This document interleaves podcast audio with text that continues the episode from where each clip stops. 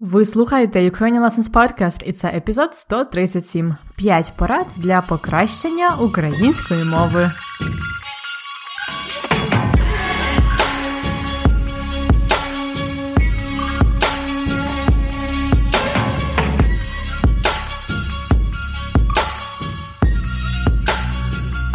Привіт! Це Анна Огойко, ваша вчителька української. І ви слухаєте подкаст Уроки української. Це аудіоуроки та розповіді для всіх, хто вивчає і любить українську мову. Ви слухаєте четвертий сезон подкасту, у якому я говорю повільно але тільки українською стовідсотково. Якщо ви зараз можете розуміти, що я кажу, то ви вже щонайменше на середньому рівні української мови. Вітаю! Але проблема в середньому рівні у тому, що ви можете відчувати, що дуже повільно прогресуєте. Також вам може бути важко знайти час чи мотивацію займатися українською, правда? Тому сьогодні я вирішила дати вам кілька порад для того, щоб е, вдосконалювати, покращувати свою українську мову або будь-яку іншу іноземну мову на середньому чи високому рівні. І не забудьте підготувати конспект уроку, якщо ви підписані на преміум, бо там ви можете прочитати все, що я кажу, подивитися місця, які вам не зрозумілі, і зробити вправи, звичайно. Добре? Готові починати? До роботи!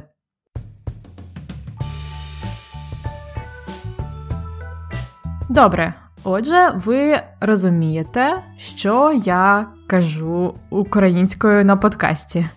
Супер! Але що далі? Який новий етап? Це вирішувати вам. Моя перша порада подумайте і визначте, яка у вас зараз мета вивчення української мови. Чи може ви хочете краще розуміти своїх родичів в Україні, коли ви приїдете до них наступного разу? Чи, можливо, ви хочете дізнаватися новини з України українською мовою? Саме від ваших цілей, вашої мети залежить, як саме вам працювати над мовою. Наприклад, якщо ви хочете вчитися в Україні, то вам треба попрацювати над письмом і граматикою, так? А якщо ви хочете краще розуміти своїх родичів, то вам треба дивитися відео, але відео з реального життя. А також вам варто шукати можливості говорити українською мовою.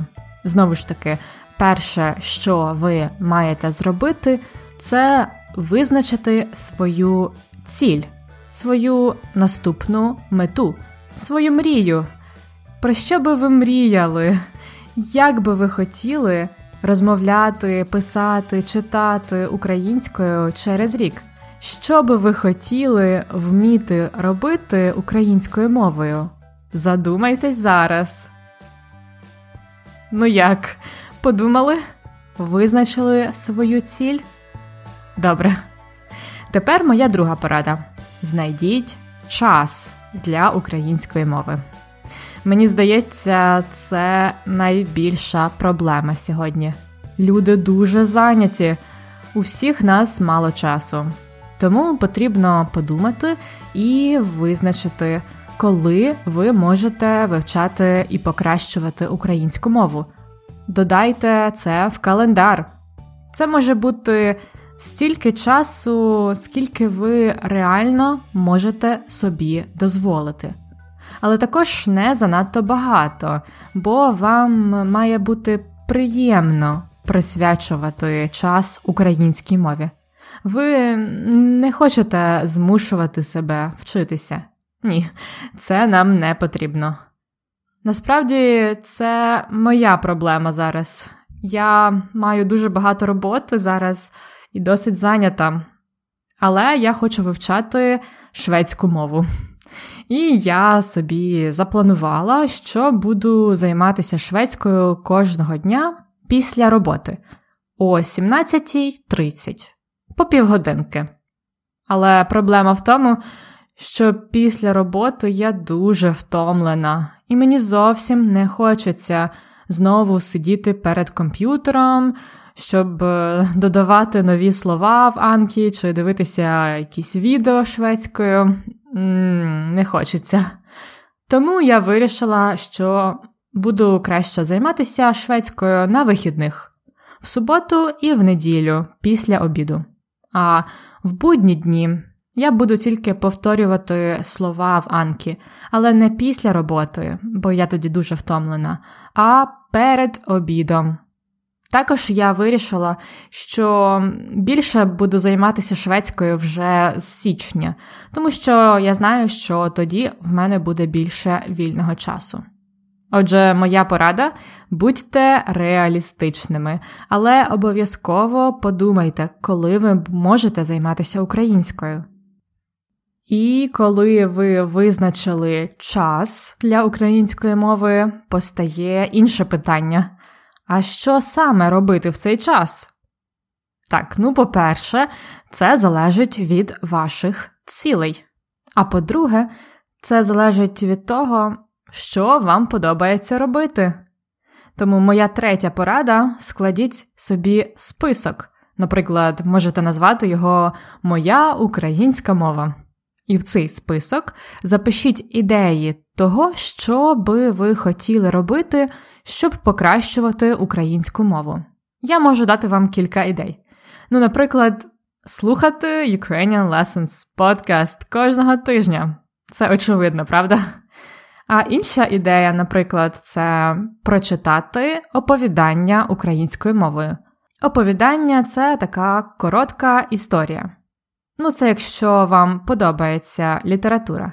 Або може бути прочитати статтю про політику, чи прочитати новини українською мовою, або написати українською мовою про свою відпустку, чи знайти друга за листуванням в Україні. Може бути також подивитися цікавий український фільм або просто подивитися український фільм.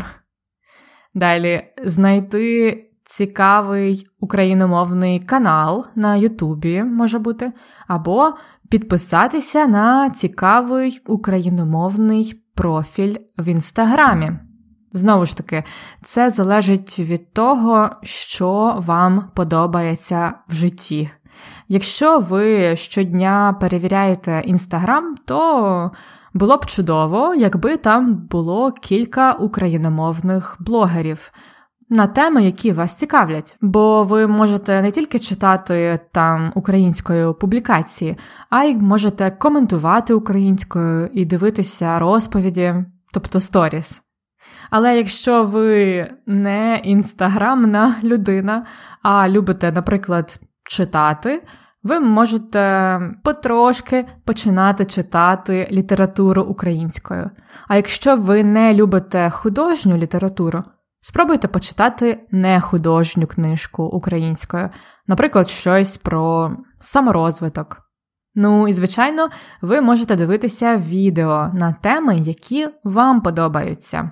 І ви можете сказати, Анно, але я ще не розумію відео чи книжок українською мовою. Звичайно, це зрозуміло. Перехід від е, середнього на високий рівень це досить тривалий процес.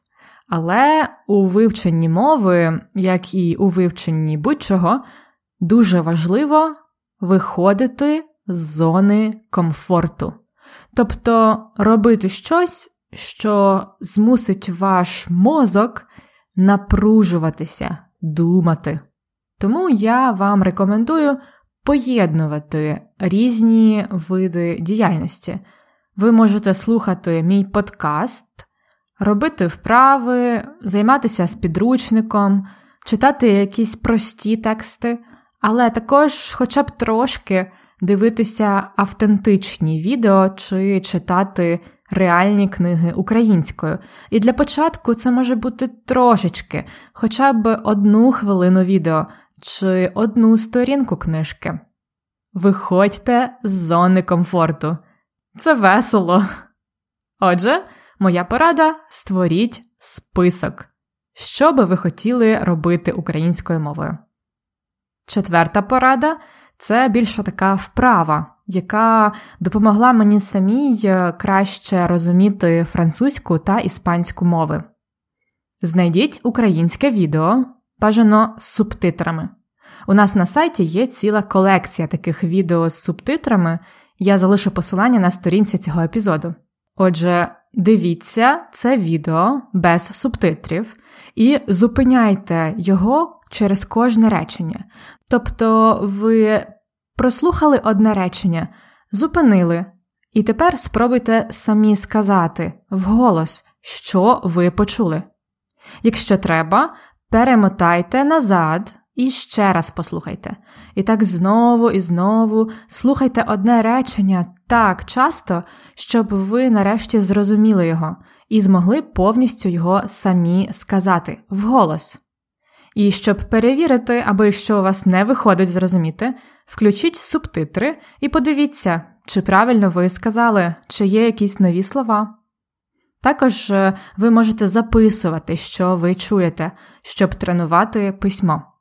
Це чудова вправа, яка допомагає вам тренувати різні навички. Це і розуміння, і вимову, і граматику, бо ви бачите ці граматичні структури, і ви розбираєте це речення дуже детально. І, звичайно, ви будете так вивчати нові слова.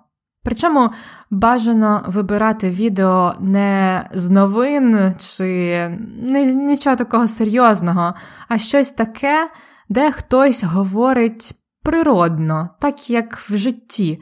Наприклад, це може бути ютуб-блогер, який щось просто розповідає про життя. Знову ж таки, я залишу посилання на список таких автентичних відео з субтитрами на сторінці епізоду. Це ukrainianlessons.com, риска, епізод англійською 137. Отже, сподіваюся, ви спробуєте цю вправу. А наступна моя порада номер 5 це знайти собі мовного тата чи маму. Так, мовний тато чи мама. Це так званий англійською language parent. Це людина, яка буде допомагати вам покращувати українську мову. Якщо чесно, краще, якщо це буде хтось зовсім новий. Тобто не ваш український хлопець чи ваша українська дружина. Краще знайдіть собі людину, яка буде саме вашим мовним партнером, тобто ви будете проводити обмін навчання різних мов, або це може бути репетитор, тобто викладач мови. І ви можете з цією людиною спілкуватися українською мовою на різні теми. І головне тут, щоб ви почувалися з цією людиною комфортно і не боялися робити помилки. Тому що якщо це буде, наприклад, ваша близька людина, ваш український хлопець чи дружина, то вам буде якось трошки соромно робити помилки, правда? А саме ваші помилки це важлива частина навчального процесу. Основна мета спілкування з такою людиною має бути мовна, саме мовна практика. Що я маю на увазі? Ну, дивіться, ви знайшли людину з України, яка хоче покращувати свою англійську мову. Ви можете домовитися, що будете зустрічатися або зідзвонюватися в скайпі один раз на тиждень. Під час розмови півгодини ви говорите українською мовою, а інші півгодини англійською. І коли ви говорите українською, попросіть свого партнера, щоб він записував всі помилки, які він чує. Потім ви можете подивитися на цей список, і він вам також пояснить, чому так неправильно, а як правильно. І таким чином у вас буде список своїх помилок, який ви можете прочитати пізніше, щоб більше цих помилок не повторювати. Так, ви можете займатися або за обміном з іншою людиною, або просто з репетитором. Але не всі репетитори будуть це робити, записувати помилки, тому ви повинні дати їм знати, що ви хочете знати помилки, ви не боїтесь помилок, і ви хотіли б мати такий список помилок після уроку. Отже, знайдіть собі мовного тата чи маму, регулярно спілкуйтеся з нею про життя і вчіться на помилках. Я так робила з іспанської та французької мов, і це мені дуже допомогло почуватися впевненіше, коли я говорю цими мовами. Така практика розвиває впевненість у собі. І це дуже важливо, щоб е, заговорити іноземною мовою вільно. І, до речі, своїх мовних партнерів і репетиторів з іспанської і французької я знаходила на сайті, який називається iTalki. У мене є стаття про те, як це зробити, і посилання на цю статтю буде на сторінці цього епізоду. А це були мої 5 порад для покращення української мови. Повторимо їх. По-перше, встановіть цілі. По-друге, знайдіть час. По-третє, складіть список Моя українська мова. По-четверте, повторюйте, що говорять у відео. І по п'яте, знайдіть собі мовного тата чи маму. А головне, робіть те, що приносить вам задоволення. І тоді, коли вам цього хочеться. Насолоджуйтесь процесом.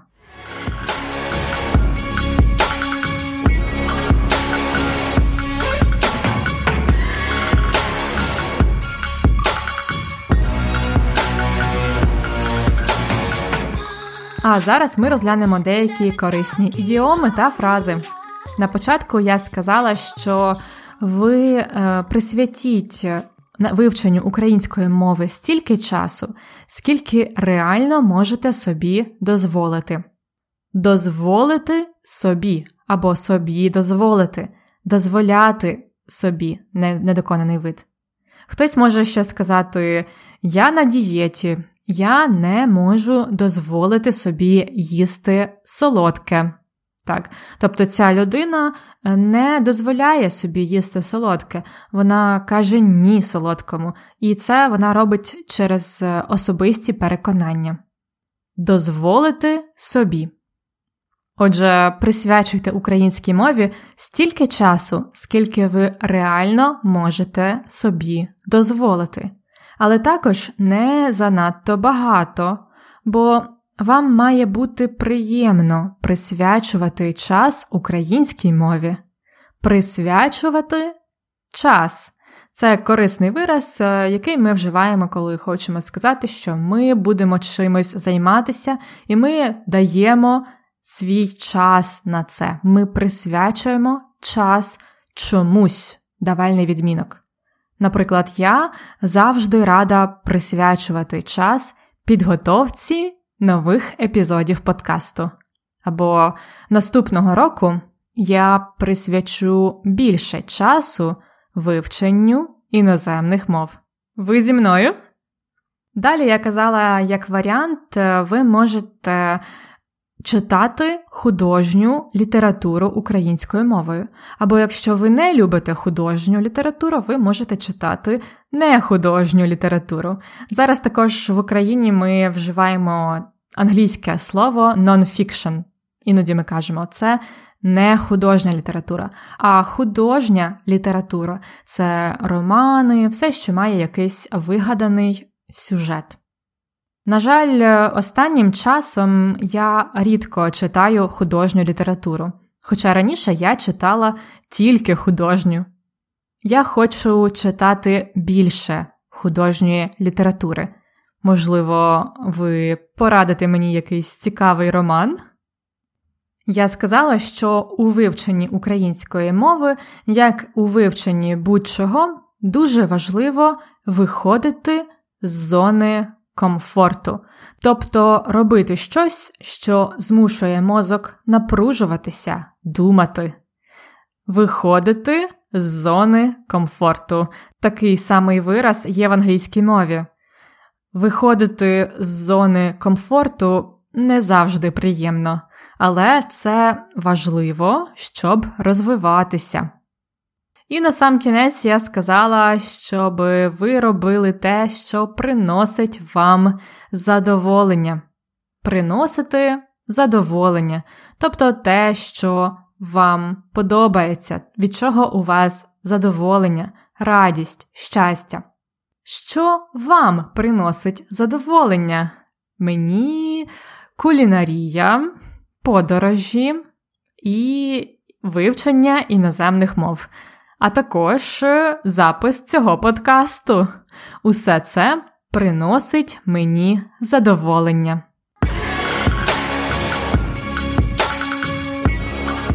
Цікавинка з граматики.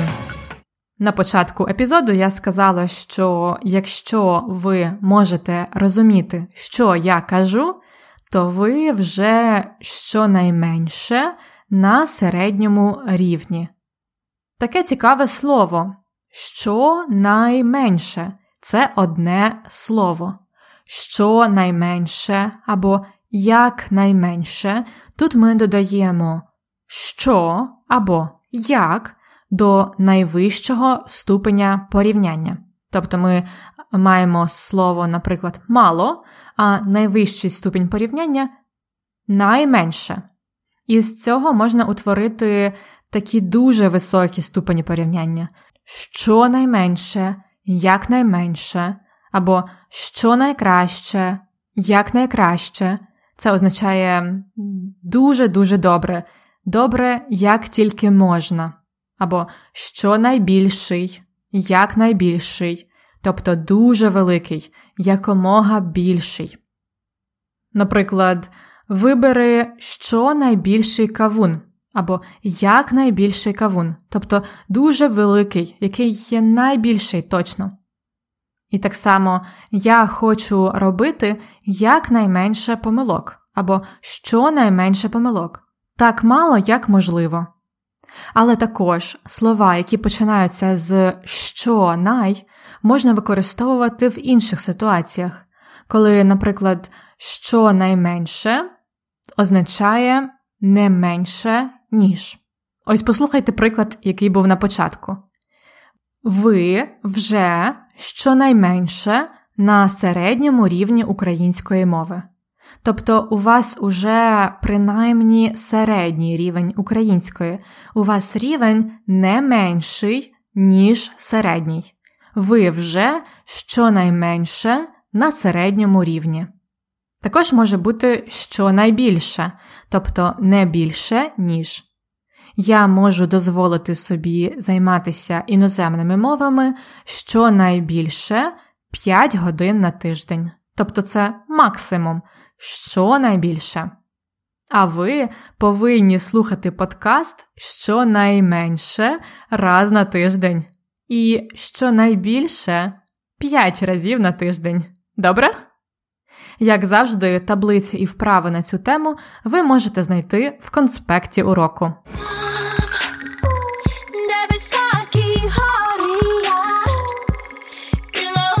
На сьогодні все.